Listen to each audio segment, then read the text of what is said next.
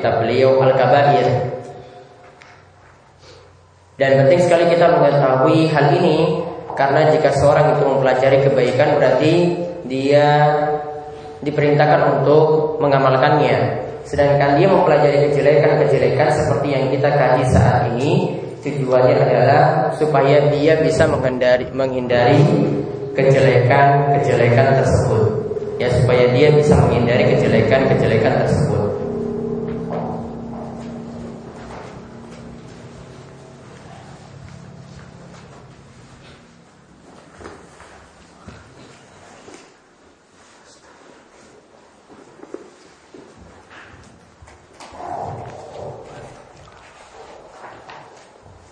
Baik. Sebagaimana kata para ulama, araftu syarra lil syarri lakin tawakki. Faman lam ya'rifu syarra min al khairi yaqa'u Itu kata para ulama, mereka katakan bahwasanya aku mengenal kejelekan itu supaya aku ya, menjauhinya dan aku mengenal kejelekan supaya aku tidak terjerumus di dalam kejelekan tersebut. Jadi di sini penting sekali kita mempelajari mengenai dosa-dosa besar karena dosa-dosa besar yang ada di sini ini uh, sebagiannya itu dilakukan di tengah-tengah kita. Maka mudah-mudahan dengan kita mempelajarinya Allah memberikan kita taufik dan hidayah supaya kita menghindari dosa-dosa besar tersebut. Ya dimudahkan juga untuk uh, di kehidupan kita diberikan berbagai macam kenikmatan dan kemudahan dan mugi-mugi dengan kita menjadi dosa besar adalah jalan bagi kita untuk menuju surga.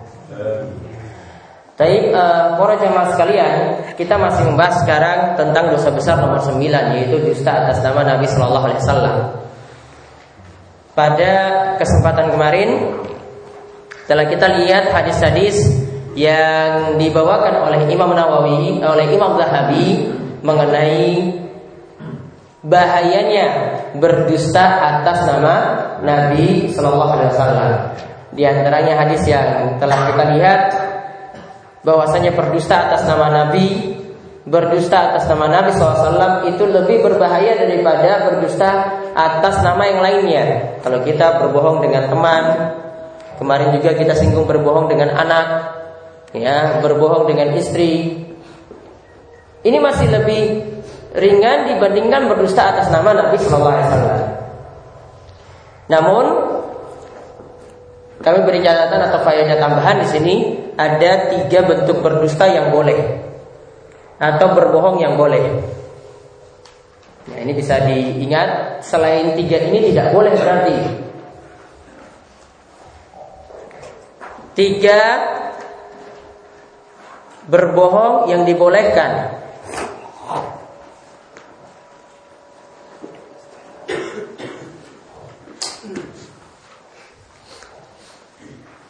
Tiga bentuk berbohong yang dibolehkan. Yang pertama berbohong dalam perang. Ya ini mengelabui musuh. Jadi misalnya atur strategi Kemudian di situ ada ya tipu daya dalam rangka untuk memenangkan perang itu dibolehkan. Kemudian yang kedua yang bentuk yang dibolehkan lagi adalah ta'dilu bainal isnain yaitu ketika menyelesaikan perselisihan atau mendamaikan sesama muslim yang bertengkar.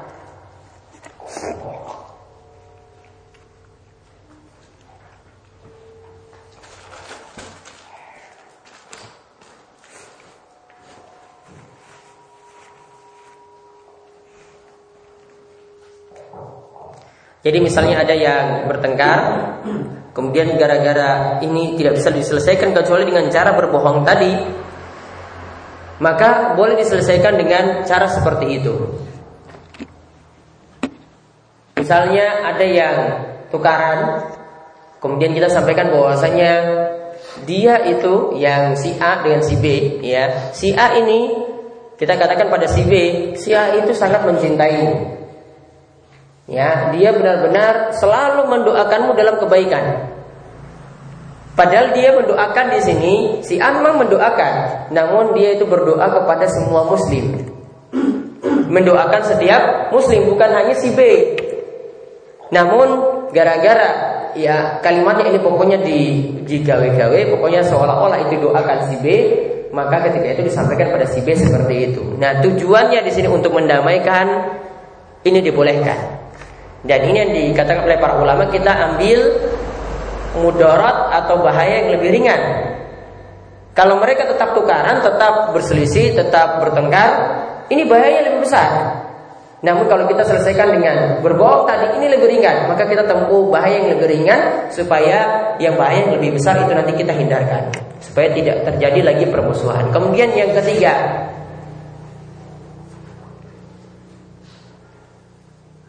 yaitu berbohong untuk merekat menguatkan hubungan antara suami istri. Menguatkan hubungan antara suami istri. Jadi kata-katanya itu seolah-olah itu uh, benaran namun cuma dia ingin menyenangkan istrinya saja. Dia katakan pada istrinya misalnya, e, engkau itu salah satunya yang aku cintai di muka bumi. Padahal siapa yang dia cintai di muka bumi di sini belum tentu cuma istrinya kan? Belum tentu. Tapi dia katakan seperti itu kan istrinya, waduh luar biasa berarti suamiku ini. Ya, luar biasa berarti. Salah satunya yang dicintai cuma saya saja. Ya. Tapi mudah-mudahan istri nggak tahu nanti dikira berbohong kan? Mudah-mudahan nggak tahu ya. Jadi itu tiga di antara bentuknya seperti itu. Boleh. Apalagi lagi tukaran gitu ya. Ini tenang loh aku ini serius ini. Pokoknya kamu saja yang saya cintai. Tidak ada lagi. Wah luar biasa itu. Bisa semaput nanti ya. Tiga bentuk ini dibolehkan.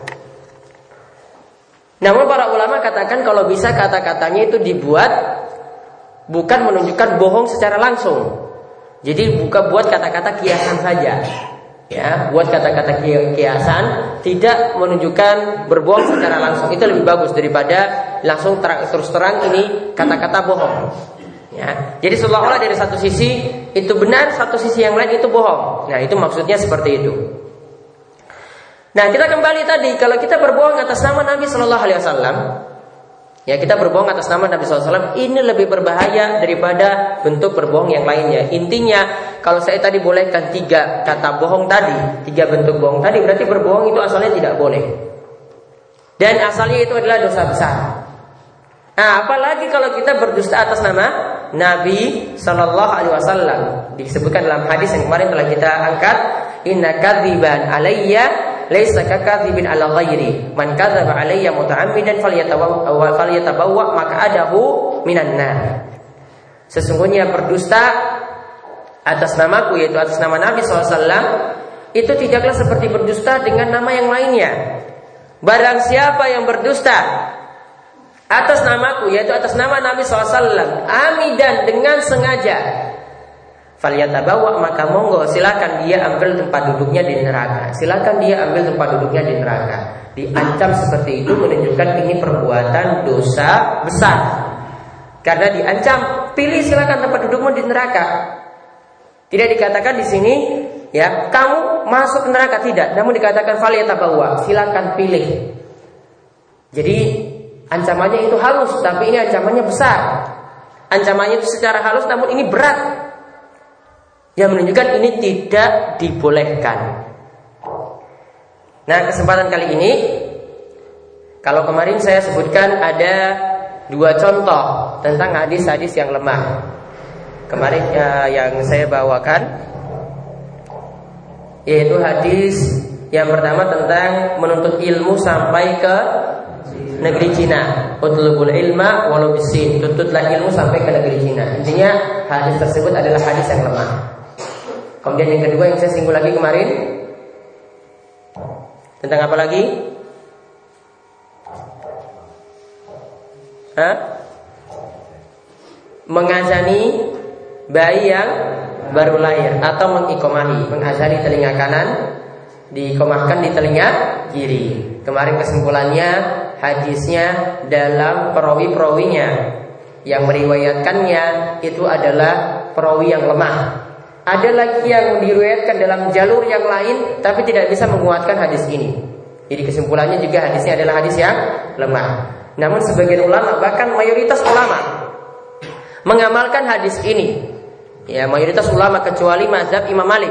Jadi Imam Syafi'i, Imam Ahmad, Imam Abu Hanifah itu mengamalkan hadis ini. Namun yang lebih tepat hadisnya hadis lemah sehingga tidak bisa dijadikan hujah. Artinya tidak bisa kita amalkan. Walaupun ini menyelisih pendapat kebanyakan ulama. Yang berbeda dalam hal ini cuma mazhabnya Imam Malik. Kemudian yang saya singgung sekarang yaitu tentang yang pertama nanti ada tiga bahasan. Kita masih membahas tentang hadis-hadis yang lemah ya. Yaitu yang kita bahas saat ini tentang Sholat sunnah tasbih. Sholat sunnah tasbih. Sholat ini punya tata cara yang khusus. Ya saya sebutkan e, Sebar satu hadis yang menyebutkan hal ini. Ada dua hadis yang membicarakannya Diriwayatkan dalam kitab sunan. Kalau saya sebut kitab sunan berarti empat Abu Daud, Tirmizi, Ibnu Majah, An-Nasai Di sini diriwayatkan oleh Imam Abu Daud dan Imam Tirmizi kita lihat hadisnya. Yaitu hadisnya dari Ibnu Abbas.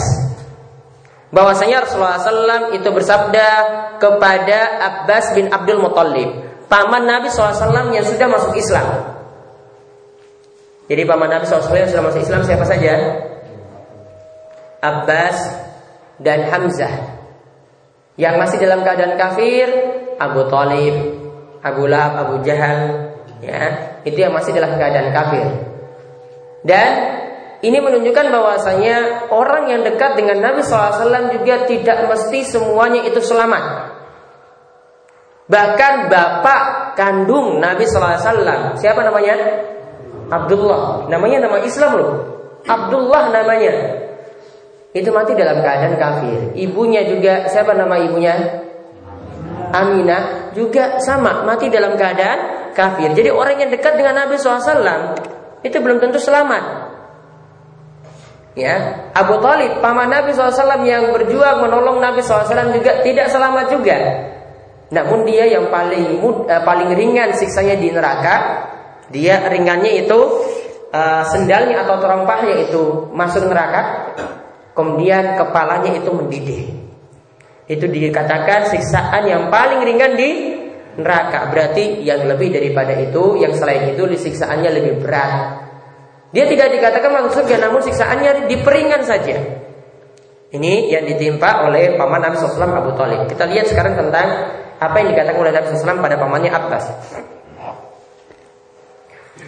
Nabi katakan, wahai pamanku Abbas, sukakah paman aku beritahu atau aku karuniai aku, atau aku beri hadiah istimewa, aku ajari 10 macam kebaikan yang dapat menghapuskan 10 macam dosa.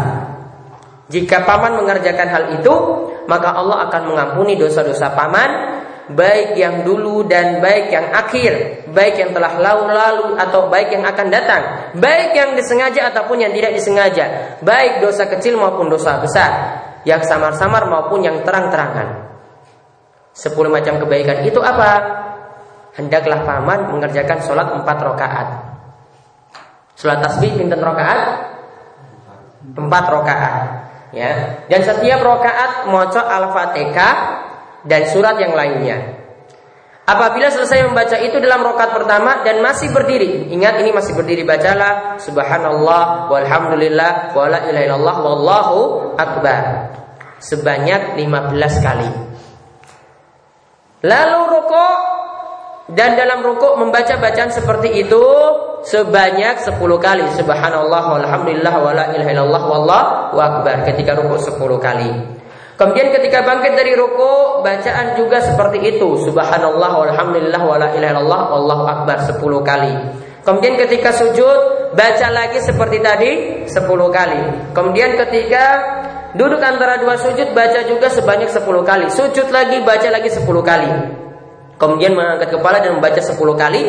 Sa kemudian jumlahnya nanti ada 70 75 kali dalam setiap rokaat 75 ping papat berarti 300 kali Baca subhanallah Walhamdulillah Wala ilaha illallah Wallahu akbar Totalnya jadi 300 kali.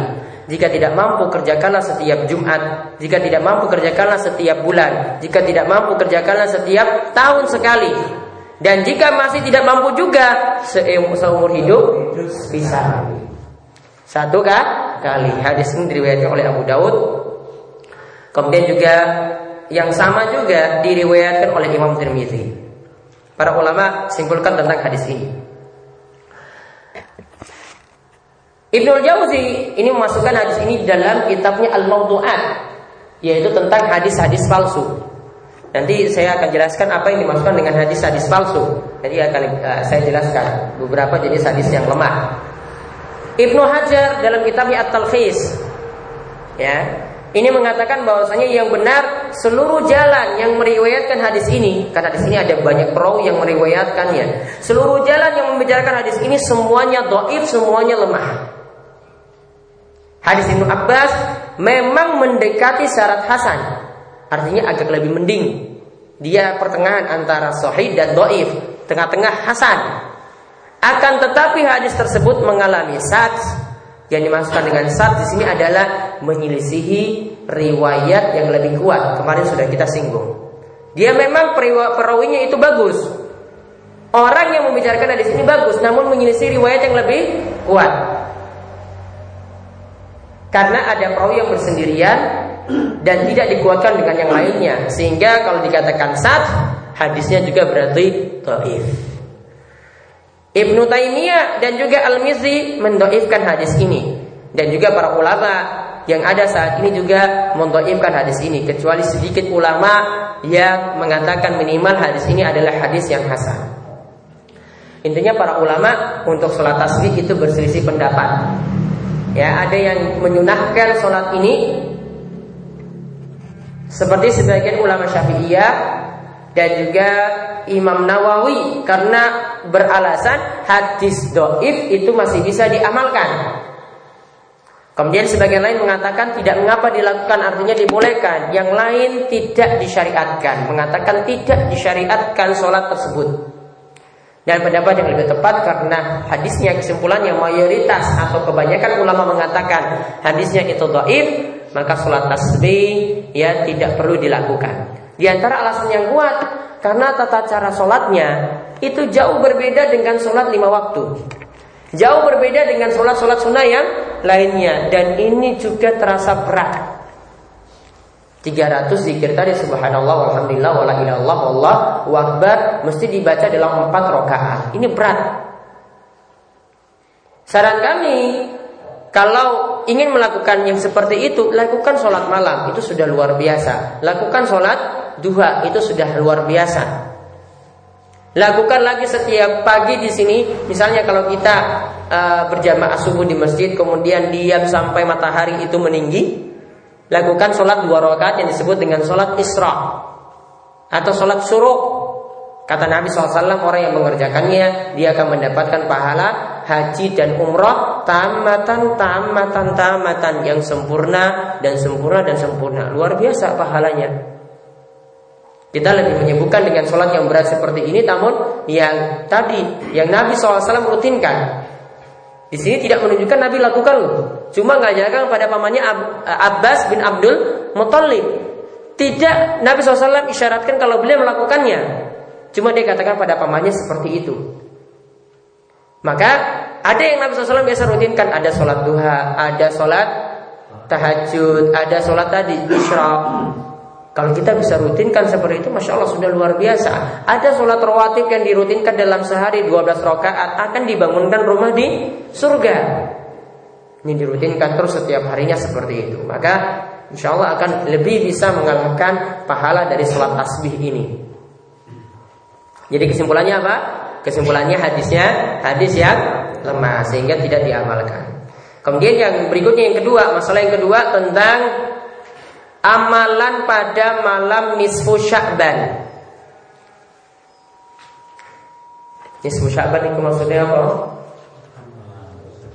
Tanggal 15 dari bulan Sya'ban. Jadi sebagian orang itu biasanya pada pertengahan saban itu kumpul-kumpul di masjid, kemudian melakukan zikir-zikir ketika itu. Ada yang melakukan zikir juga sampai malam hari, melakukan sholat sunnah juga di malam harinya. Yaitu pada malam nisfu sya'ban Karena menganggap apa?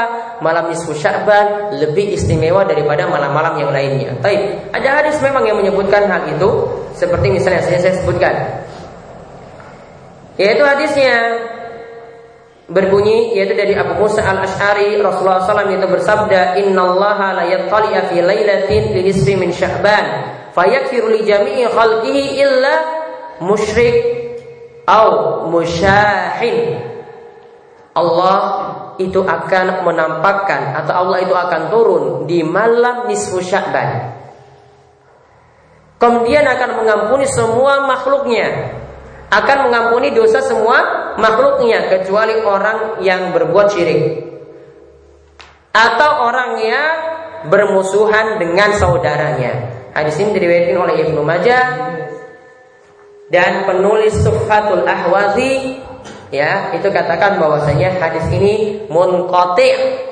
Kalau munqati itu berarti sanatnya terputus. Kalau sanatnya terputus artinya rantai ceritanya itu ada yang terputus. Seperti kemarin saya ceritakan, kalau ada yang hidup di zaman ini, lahir tahun 80 atau lahir di tahun 90, kemudian dia katakan bahwasanya dia mendengar Pak Soekarno meninggal tahun berapa Pak Soekarno? 70 atau 80 gitu. Pokoknya dia nggak bertemu namun dia katakan Pak Soekarno itu saya dengar langsung itu katakan seperti ini dan seperti itu. Terputus sanatnya padahal. Kok dia katakan Pak Soekarno katakan seperti itu? Sama dengan ini, sanatnya juga terputus. Berarti hadisnya hadis yang dhaif.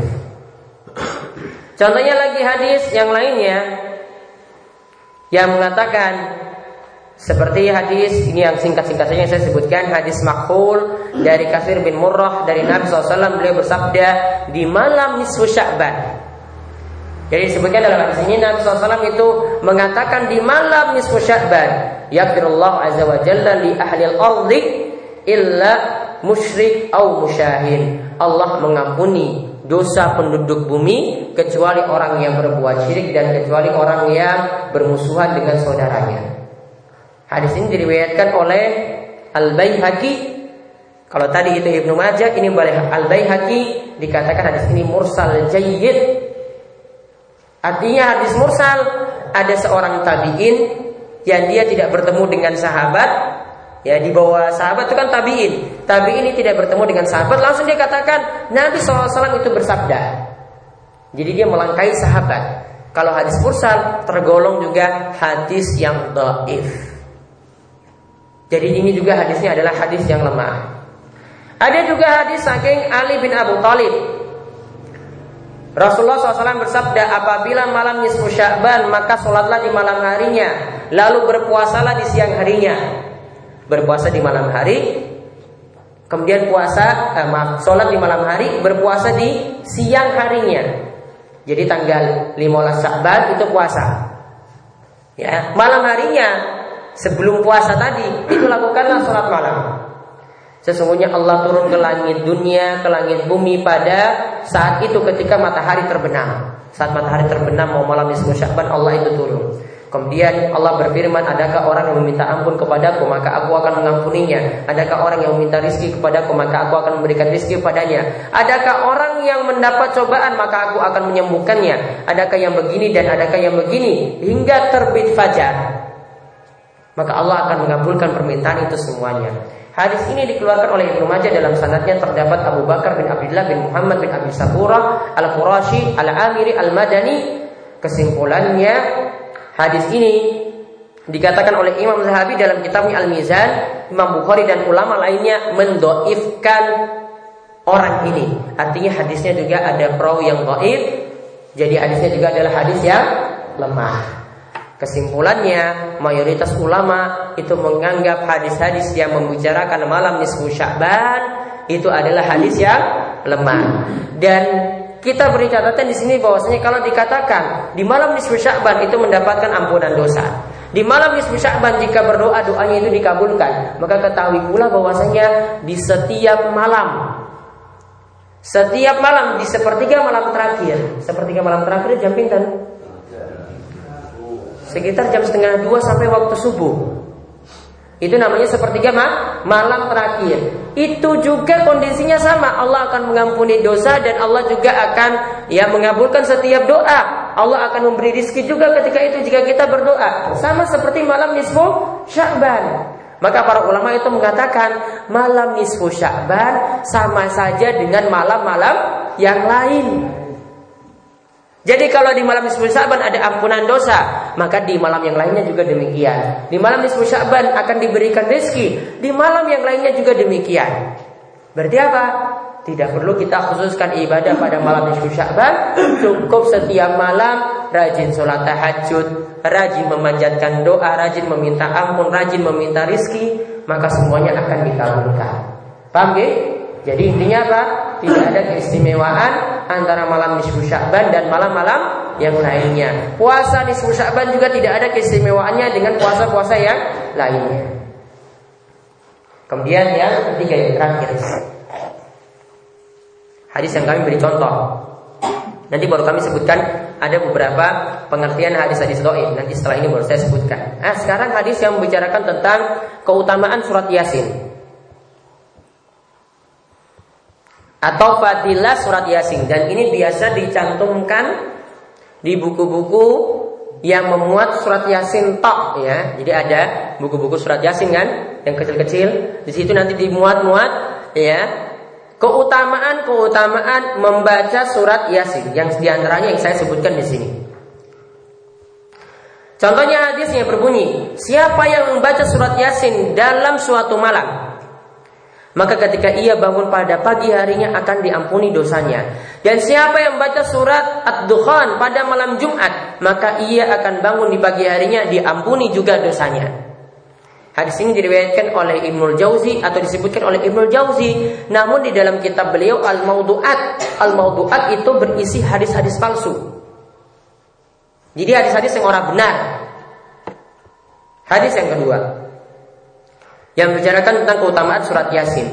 Siapa yang membaca surat Yasin pada malam hari karena mencari keridhaan Allah, niscaya Allah itu akan mengampuni dosanya. Hadis ini juga diriwayatkan oleh Tabrani dalam kitabnya Mu'jamul Awsat dan dalam Mu'jamul uh, dalam Asagir dari Abu Hurairah, tapi dalam sanatnya itu ada orang yang namanya Aglab bin Tamim, kata Imam Bukhari, orang itu mungkarul hadis. Artinya dia ini hadisnya itu hadis yang lemah. Mungkarul hadis nanti akan saya jelaskan. Jadi dia ini adalah perawi yang lemah, tidak bisa diterima hadisnya. Imam Bukhari yang langsung mengatakan seperti itu. Berarti kesimpulannya hadisnya dhaif. Contohnya lagi, yang bicarakan tentang surat Yasin di sini lagi. Siapa membaca surat Yasin satu kali, seolah-olah ia membaca Al-Quran dua kali. Siapa yang baca surat Yasin? Surat Yasin itu cuma berapa lembar? Baca satu kali maka akan dihitung membaca Al-Quran dua kali hatam. Hadis ini diriwayatkan oleh Bayi Haki dalam Syu'abul Iman. Para ulama simpulkan hadisnya juga palsu. Tidak bisa diterima. Contohnya lagi, Sesungguhnya tiap-tiap sesuatu mempunyai hati Dan hati Al-Quran atau inti Al-Quran itu adalah surat Yasin Siapa yang membaca surat Yasin maka Allah akan memberikan pahala bagi bacaannya. Itu seperti pahala membaca Al-Quran 10 kali. Jadi dikatakan bahwasanya Yasin, surat Yasin itu adalah intinya Al-Quran. Makanya orang lebih gemar baca surat Yasin dibandingkan mungkin surat Al-Ikhlas, Al-Falaq, An-Nas, dibandingkan ayat kursi, dibandingkan surat-surat yang lainnya. Karena di sini dikatakan inti dari Al-Qur'an. Hadis ini yang mengatakan seperti itu hadisnya juga palsu diriwayatkan oleh Imam Tirmizi dan Ad-Darimi. Di dalamnya ada Muqatil bin Sulaiman dan dikatakan bahwasanya Muqatil bin Sulaiman ini meriwayatkan hadis yang batil yang tidak ada asal usulnya. Hadisnya juga adalah hadis yang lemah. Tidak bisa diterima. Doib, doib atau palsu. Contoh yang lainnya lagi. Ya hadis yang mengatakan bacakanlah surat Yasin kepada orang yang akan mati di antara kalian. Bacakanlah surat Yasin kepada orang yang mati di antara kalian. Hadis ini juga diriwayatkan oleh Ibnu Abi Syaibah dan juga Abu Dawud. Hadis ini lemah karena ada perawi yang namanya Abu Usman di dalamnya. Jadi kesimpulannya hadisnya hadis yang lemah. Terus kalau orang yang mau mati gimana? Ya, artinya kalau ini lemah berarti tidak diamalkan. Cukup talqin la ilaha illallah. Kita ajarkan tuntun baca la ilaha illallah hadisnya lebih sahih. Nabi SAW itu katakan, ya mangkana akhiru kalamihi la ilaha illallah jannah. Siapa yang akhir perkataannya di akhir hidupnya adalah kalimat la ilaha illallah maka dia akan masuk surga. Nabi katakan lakinu mautakum bila ilaha illallah. Talkinkan tuntunlah. Jadi ada yang mau mati itu dituntun. Mocol la ilaha illallah. Tuntunlah orang yang mati di antara kalian dengan bacaan la ilaha illallah. Itu hadisnya lebih sahih daripada hadis ini. Atau hadis yang serupa dengan itu disebutkan Tidak ada seorang yang mati pun di antara kalian Lalu dibacakan surat yasin di sampingnya Melainkan Allah itu akan memudahkan kematiannya ketika itu. Ini juga hadisnya itu palsu. Kesimpulannya seperti itu bagaimana? Berarti hadis-hadis yang membicarakan tentang keutamaan surat Yasin tidak ada yang sahih. Namun ini bukan berarti kita tidak boleh baca surat Yasin. Saya tidak katakan seperti itu. Ini maksudnya kalau ada yang menganggap keutamaannya oh setiap malam saya baca surat Yasin karena hadisnya seperti itu, berarti pemahamannya keliru. Saya baca surat Yasin setiap malam Jumat ya, karena mengamalkan hadis-hadis tadi di antaranya juga berarti keliru. Artinya kapan pun baca itu boleh, mau dihafalkan juga boleh. Ya mungkin di antara kita itu sudah hafal surat Yasin, ya dong, sudah hafal keluar saja begitu. Mungkin yang nggak baca Al-Quran yang bisa baca Al-Quran surat Yasin itu hafal. Saya tidak menafikan hal itu, tidak mengapa dihafalkan juga tidak apa-apa. Saya juga hafal surat Yasin. Ya, saya juga hafal. Namun jadi tadi yang kita katakan tidak tepatnya itu ketika menganggap surat Yasin lebih istimewa dari surat yang lainnya. Kalau ada orang mati, baca surat Yasin. Kalau ada yang mau mati, baca surat Yasin. Kalau ada tadi setiap malam baca surat Yasin. Nah, itu saja yang dianggap keliru. Mau baca, mau tidur, mau baca ya monggo. Nanti dia tambah lagi dengan surat-surat yang lainnya, tidak masalah. Yang masalah tadi apa? Nganggap istimewa di tiap malam, nganggap istimewa ketika ada yang mau mati, nganggap surat Yasin itu tadi hatinya Al Quran. Artinya intinya Al-Quran itu ada dalam surat Yasin. Ini tidak benar. Karena apa? Hadis-hadisnya adalah hadis yang doif, hadis yang lemah. Ya, namun kalau mau ngafalkan ya monggo silakan. Kalau mau baca juga tidak ada larangan. Cuma kalau dianggap punya keutamaan berdasarkan hadis-hadis yang lemah tadi, itulah yang tidak tepat. Jadi tiga masalah tadi yang kita bahas. Lalu di sini saya ingin jelaskan beberapa hadis doif, ya pengertiannya. Beberapa macam hadis doif yang tadi juga sudah disinggung dalam uh, penjelasan-penjelasan tadi. Sekarang bisa dicatat tentang macam-macam hadis doif.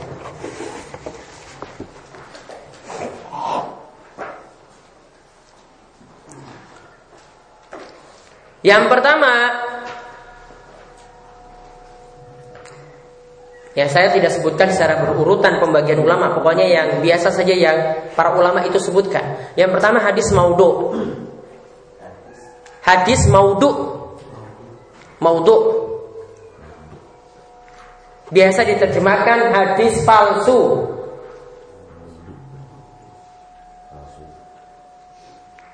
Artinya hadisnya diriwayatkan oleh seorang pendusta.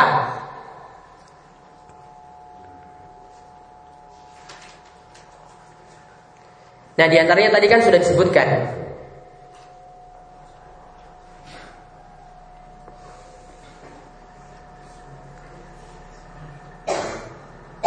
Ya, hadis yang diriwayatkan oleh seorang pendusta. Seperti hadis tadi yang sebutkan, siapa yang membaca surat Yasin satu kali seolah-olah dia membaca Al-Quran dua kali. Hadis ini dikatakan maudhu palsu. Itu maksudnya di sini. Kemudian hadis yang kedua, yang macam yang kedua, hadis matruk M A T R U K.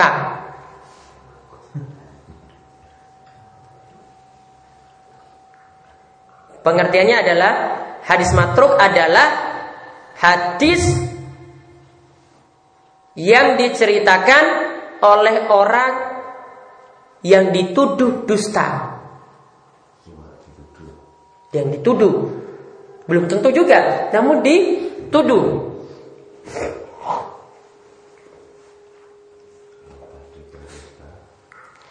Hadis yang diriwayatkan oleh orang yang dituduh dusta. Ini juga hadis yang lemah.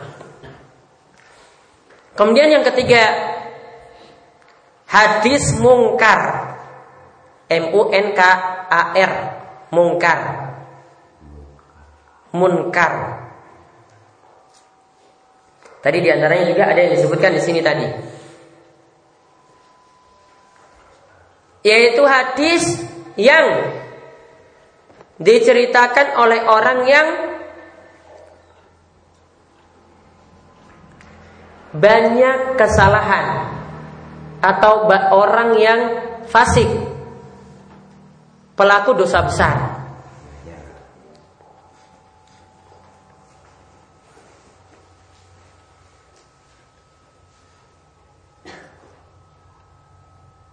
Nah ini juga hadisnya lemah. Karena kemarin kita sudah syaratkan Yang namanya hadis itu dobetnya Hafalannya itu harus kuat. Kalau dia banyak keliru dalam hafalan ditolak Hadisnya juga harus diriwayatkan oleh orang yang soleh, orang yang adil. Yaitu maksudnya adalah orang yang jujur dan soleh. Kalau yang meriwayatkan ini orang yang biasanya main judi, yang biasanya main perempuan, hadisnya tertolak. Itu yang disebut dengan mungkarul hadis, ya hadis yang mungkar. Kemudian hadis yang keempat, hadis sats. S Y A D Z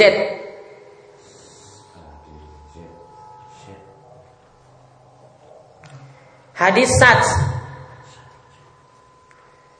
yaitu hadis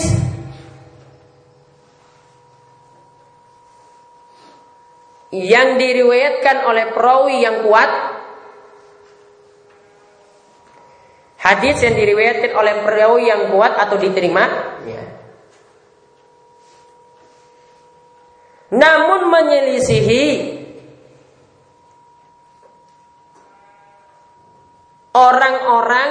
yang lebih utama dari dirinya.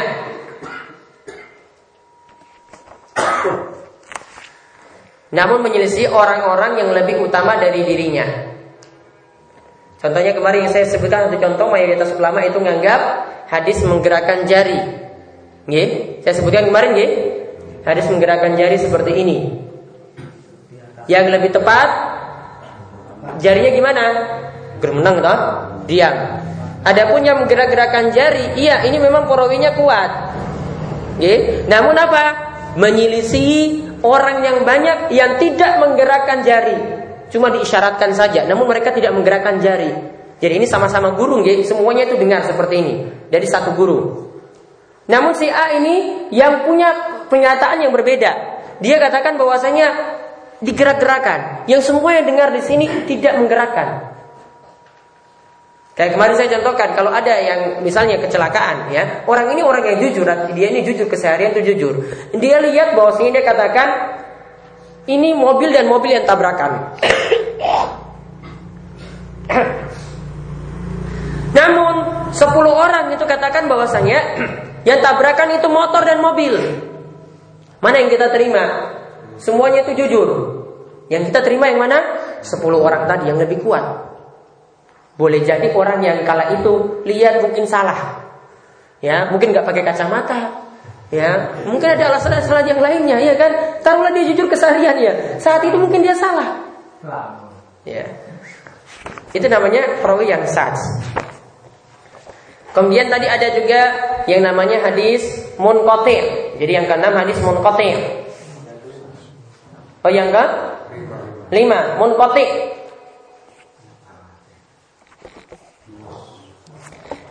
Yaitu hadis yang rantai ceritanya itu terputus. Rantai ceritanya atau rantai sanadnya itu terputus. Jadi kayak saya cerita cerita ada yang hidup di zaman ini langsung dengar dari Pak Soekarno. Dia padahal tidak bertemu, lahir saya baru tahun 90. Dia katakan dengar dari Pak Soekarno, berarti dia bohong. Karena tidak bertemu langsung. Itu munqati namanya. Kemudian hadis mursal. Mursal.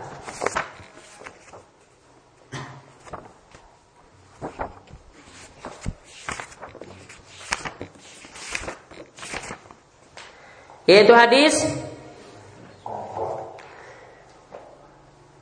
yang diriwayatkan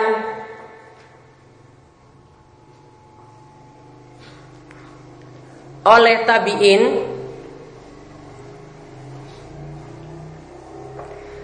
Tanpa menyebutkan sahabat. Namun langsung menyatakan Nabi bersabda. Namun langsung mengatakan Nabi bersabda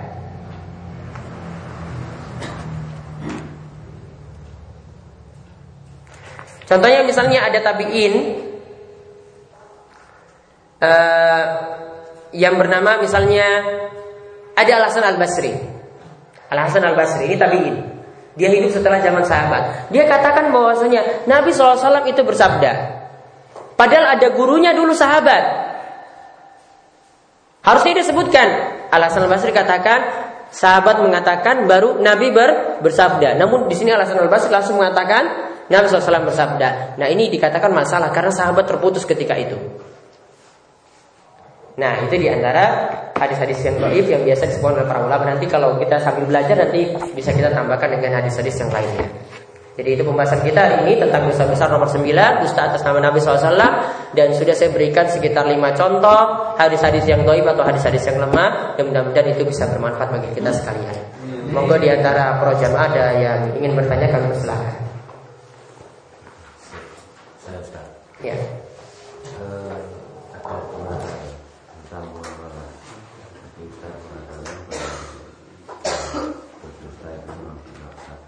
Ini misalkan etika atau etika untuk berjual beli kalau kita di sualayan ataupun di toko itu sudah terlabel.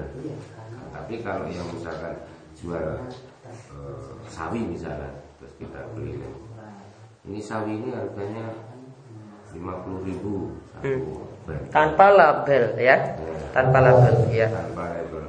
Padahal harga di bawah sangat-sangat di bawah. Hmm. maka itu termasuk dosa besar itu pertama. Kemudian yang kedua sekarang ini kan modelnya bukan tadi yang dikatakan satu guru tapi ada yang satu itu mendengarkan yang banyak itu juga mendengarkan sama. Ini sekarang ini mayoritas begini bisa jadi salah tapi diikuti. Nah, misalkan secara politis misalkan saya itu mengikuti yang sedikit tapi ternyata yang berkuasa itu adalah yang yang banyak. Padahal itu salah. Apakah saya itu yang dikata mengikuti yang yang banyak tapi salah itu adalah dosa? Dua hal itu yang saya tanyakan. Ya taib. Yang pertama dulu. Yang pertama tentang masalah muamalah jadi yang ditanyakan gih, jual belinya kan kalau kita di swalayan di supermarket di toko-toko kan wonten label. Ini harga kacang 5000 ada 5000 ditulis. Terus ini harga sayur-sayuran 50000 misalnya. Ada daging harga sekian 100.000 ya pakai label seperti itu. Pertanyaannya gimana kalau kita di pasaran? Ya kan beli sawi konten labelnya pembuatan buatan ya tak beli tempe konten label? Buatan ya dan itu biasanya lebih murah daripada yang ada di supermarket. Apakah seperti itu dibolehkan? Jawabannya boleh.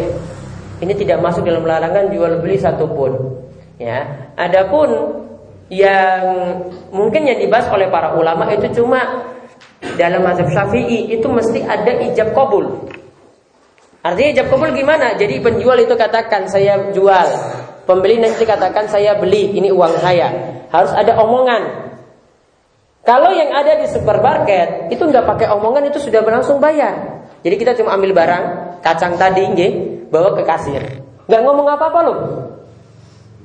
Langsung bayar. Langsung bayar. Sudah ngerti kan? Di situ tertera 5 ribu duit. Nggak ngomong apa-apa. Lihat situ oh 5 ribu. Langsung kasih si penjual eh, si penjual langsung sudah kasih masuk di kresek langsung pulang. Kita langsung keluar dari toko tersebut tanpa omongan apa-apa. Pernah juga ya kita sering lihat ada mesin isi ada minum di situ. Coba masukin uang. Misalnya minumnya harganya sepuluh ribu, jadi kita masukin uang satu satu lembar sepuluh ribu, masukin di mesin. Terus langsung kita tekan tombol minum mana yang kita pilih. Ada teh kota, kopo, ada aqua, ya. Tapi harganya dinaikkan loh sepuluh ribu loh, sepuluh ribu. Pencet keluar langsung keluar, tekan keluar langsung airnya tadi. Aqua yang kita minta. Pakai omongan nggak di situ? Nah, dalam bahasa Syafi'i itu persyaratkan omongan, harus ngomong. Kalau dengan mesin coba gimana kita lakukan? Ya, dengan mesin ngomong gimana coba? Mau jalok jalok sesuatu nggak ada. Ya, masukin 50 ribu ya sudah, diambil 50 ribu. Nggak bisa dikembalikan, nggak ada uang kembali. Ya, risiko. Ya. Nah, itu tadi Makanya yang ini kalau yang ada yang ulama bahas dipersyaratkan omongan atau tidak. Yang lebih tepat tidak ada perlu omongan. Cukup sikapnya saling ridha karena Nabi Allah Subhanahu wa taala katakan tentang jual beli illa tijaratan antaradin minkum. Ya, dan yang dihalalkan itu adalah jual beli yang kalian saling suka sama suka. Ridho saling ridho satu ya, satu sama lainnya itu saling suka sama suka ridho saling ridho. Misalnya ada yang jual mobil uh, ini mobil 30 juta.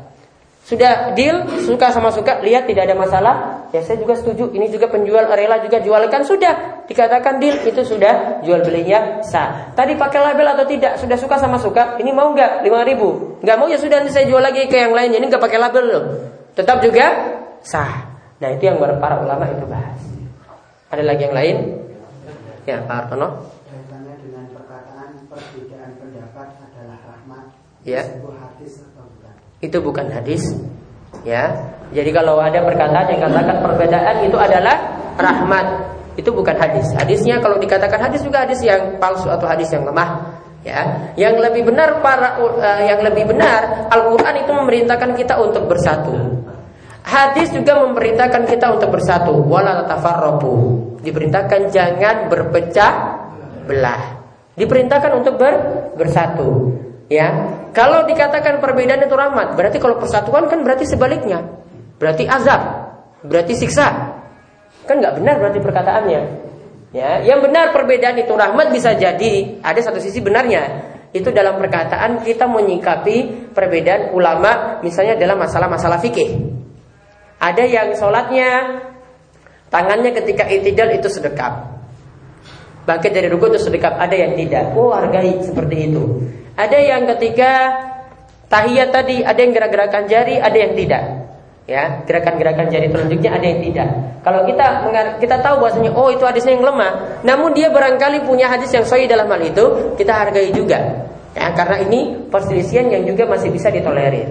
Namun kalau perselisihannya dalam masalah akidah, ya dalam masalah akidah, kita harus meyakini bahwasanya tidak ada nabi lagi sepeninggal Nabi Shallallahu Alaihi Wasallam. Kalau ada yang mengatakan bahwasanya ada nabi yang sekarang kita bisa ikuti lagi sepeninggal Nabi SAW berarti dia itu keliru. Ini bukan perbedaan lagi. Ini sudah menyimpang, sudah sesat. Tidak bisa kita ikuti karena ini akidah seorang muslim. Akidah ini tidak boleh beda. Akidah itu harus satu sama. Harus ya dalam masalah syirik harus sama semuanya. Tidak boleh melakukan syirik. Tidak boleh ada yang katakan wah ini kita berbeda. Tidak bisa. Itu bukan berbeda. Yang satu benar, yang satu sesat.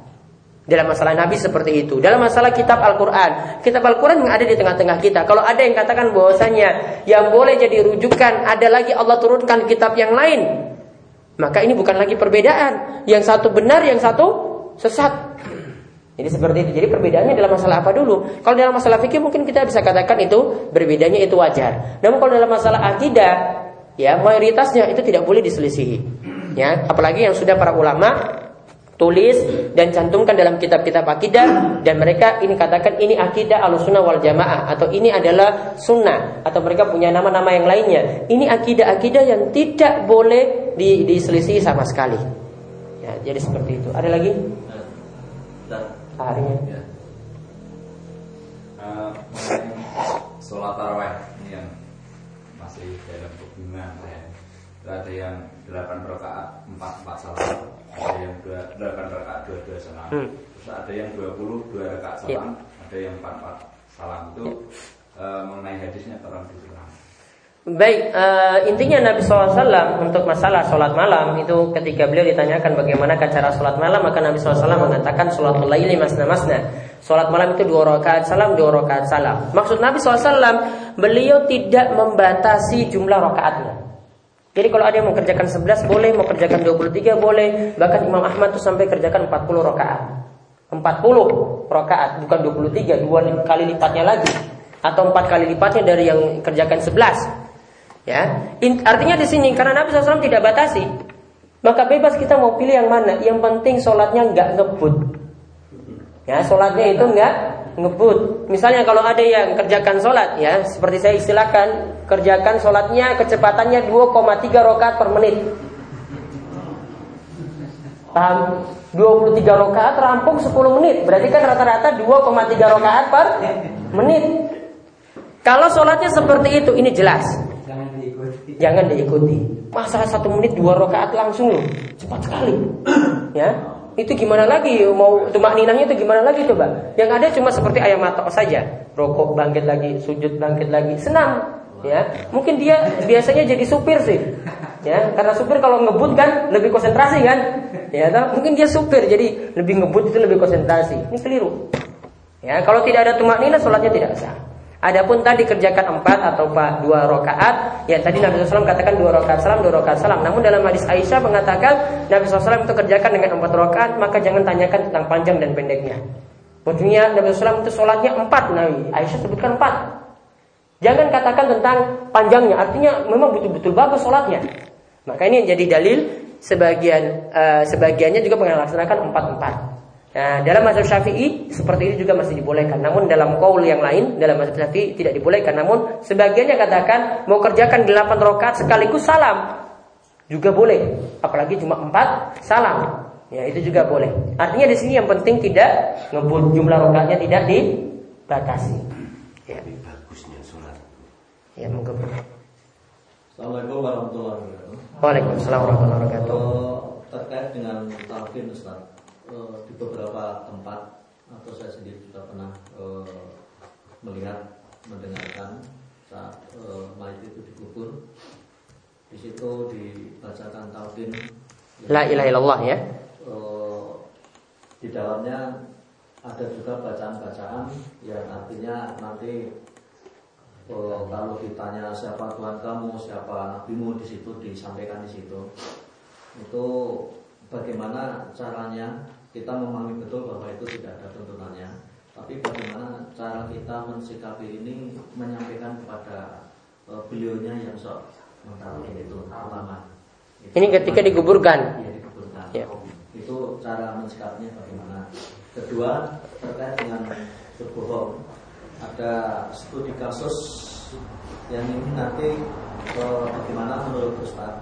Contohnya begini. Pada suatu hari uh, katakanlah di jalan raya itu ada ada ada toko yang sangat besar. Di situ ada uh, seorang pencuri yang lari dikejar, dikejar oleh banyak orang. Lalu dia masuk di dalam rumah itu atau toko itu ngumpet ya, sehingga orang yang jatah juga datang situ, tetapi yang yang tahu di situ melindungi. Dikatakan dia berbohong. Si A ini tidak ada di sini, nggak ada yang masuk kok, pokoknya nggak ada. Dalam rangka untuk melindungi bagaimana berbohong seperti itu. Iya. Kalau ulang untuk yang kasus yang kedua tadi, ya berbohong dalam kondisi seperti itu boleh, karena menyelamatkan nyawa. Menyelamatkan nyawa lebih besar daripada berbohong. Dia cuma ucapkan berbohong, konsekuensinya sedikit. Ya kan? Namun kalau dia katakan jujur, habis orang itu. Nyawa satu orang lebih berharga daripada dia mesti berbohong dengan kata-kata. Maka pilih mana yang lebih ringan. Lebih ringan yang kita ambil. Ya kan? Yang lebih ringan kita ambil. Yang lebih ringan apa? Berbohong. Ini selamat. Nanti silakan serahkan dia kepada pihak yang berwajib lebih selamat ketika itu. Ya, jadi tidak tidak persis dengan tiga masalah tadi. Pokoknya yang ada masalah yang besar di dalamnya, maka berbohong itu dibolehkan. Ya, yang ada masalah besar. Itu juga termasuk dalam orang yang berselisih. Kan situ kan orang yang bertengkar. Ya, yang lagi butuh adanya perdamaian, didamaikan. Maka cara mendamaikannya juga dengan berbohong seperti itu, dibolehkan. Kemudian yang pertama tadi tentang bagaimana kebiasaan talqin la ilaha illallah tadi ya apakah uh, itu ada tuntunan jelas tidak ada ya, untuk mentalkikan ketika ingin dikuburkan ya jadi kalau misalnya ada yang kan sering ada lafaz misalnya kalau ada malaikat yang bertanya kepadamu, ya, siapa Robmu, maka katakanlah Allah. Siapa Nabimu Muhammad, siapa apa agamamu maka Islam. Atau dia ditalkinkan la ilallah seperti itu. Sebenarnya tidak perlu seperti tadi. Cukup sampaikan dengan perkataan yang halus. Ini cuma tipe-tipe kita saja cara menyampaikannya itu seperti apa ya cara menyampaikannya itu seperti apa kadang mungkin pelajaran ini ditunda saja orang belum bisa terima kalau kita sampaikan langsung sekarang ya mungkin nanti pada pas momennya Ya, seperti saya sendiri, saya kan nggak menyampaikan hal tadi kecuali ketika bahas ini karena ini berkaitan dengan hadis yang kita bahas tentang hadis-hadis palsu, tentang hadis-hadis yang doib. Baru saya singgung sholat tasbih. Mungkin dulu ada yang mau tanya, tapi saya nggak mau jawab. Ya, mungkin ada yang belum tahu juga tentang keutamaan surat yasin. Ya, keutamaannya itu hadisnya sahih atau tidak. Baru kali ini saya jelaskan karena tunggu momen. Nanti tunggu momen yang tepat baru di sampaikan. Kalau misalnya nggak ada kata eh, tidak saat ada sangkut pautnya dengan tema ini, mas nggak usah disinggung. Ya, nanti kita butuh penundaan itu. Ada ada skala prioritas kita dalam menyampaikan. Ada yang lebih penting. Ya, nanti kalau yang penting ini mereka sudah suka, baru nanti sampaikan lagi yang lainnya. Ya, seperti ini. Ini ada berkaitan dengan tema yang baru saya singgung. Kalau tidak kaitan saya nggak akan singgung tadi. Ini pas momennya saja baru saya singgung. Kalau nanti kita bahas setelah itu nggak akan lagi saya singgung masalah ini. Ya, paham ya? Ya, jadi pas momennya saja baru disampaikan tentang hal itu. Pas ya kondisi ini penjelasan tentang masalah itu baru singgung tentang tadi lagi gitu. Kalau tidak ada sangkut pautnya jangan. Ya, masyarakat itu agak berat. Sampun nggih? Ya, itu saja yang kita bahas. Ya, insya Allah untuk malam Kamis ada seperti biasa. Untuk minggu depan saya liburkan. Ya mungkin nanti libur dua minggu. Minggu pagi nanti libur dua minggu. Karena minggu depan uh, saya keluar di ke Bandung kemudian minggu berikutnya lagi Sabtu dan Ahad itu Idul Adha. Ya Sabtu dan Ahad itu Idul Adha. Ya, jadi libur juga. Ya. nanti minggu berikutnya lagi baru kita uh, lanjutkan pelajaran kita. Tapi malam Kamis tetap ada nggih? Malam Kamis tetap ada. Mungkin nanti ada undangan. Ketika Idul Adha nanti ada undangan. Nanti saya sampaikan lewat SMS untuk makan-makan. Jadi nyembelih satu kambing sendiri kemudian makan di sini prasmanan toh prasmanan apa ngangge kota prasmanan wae no? memuaskan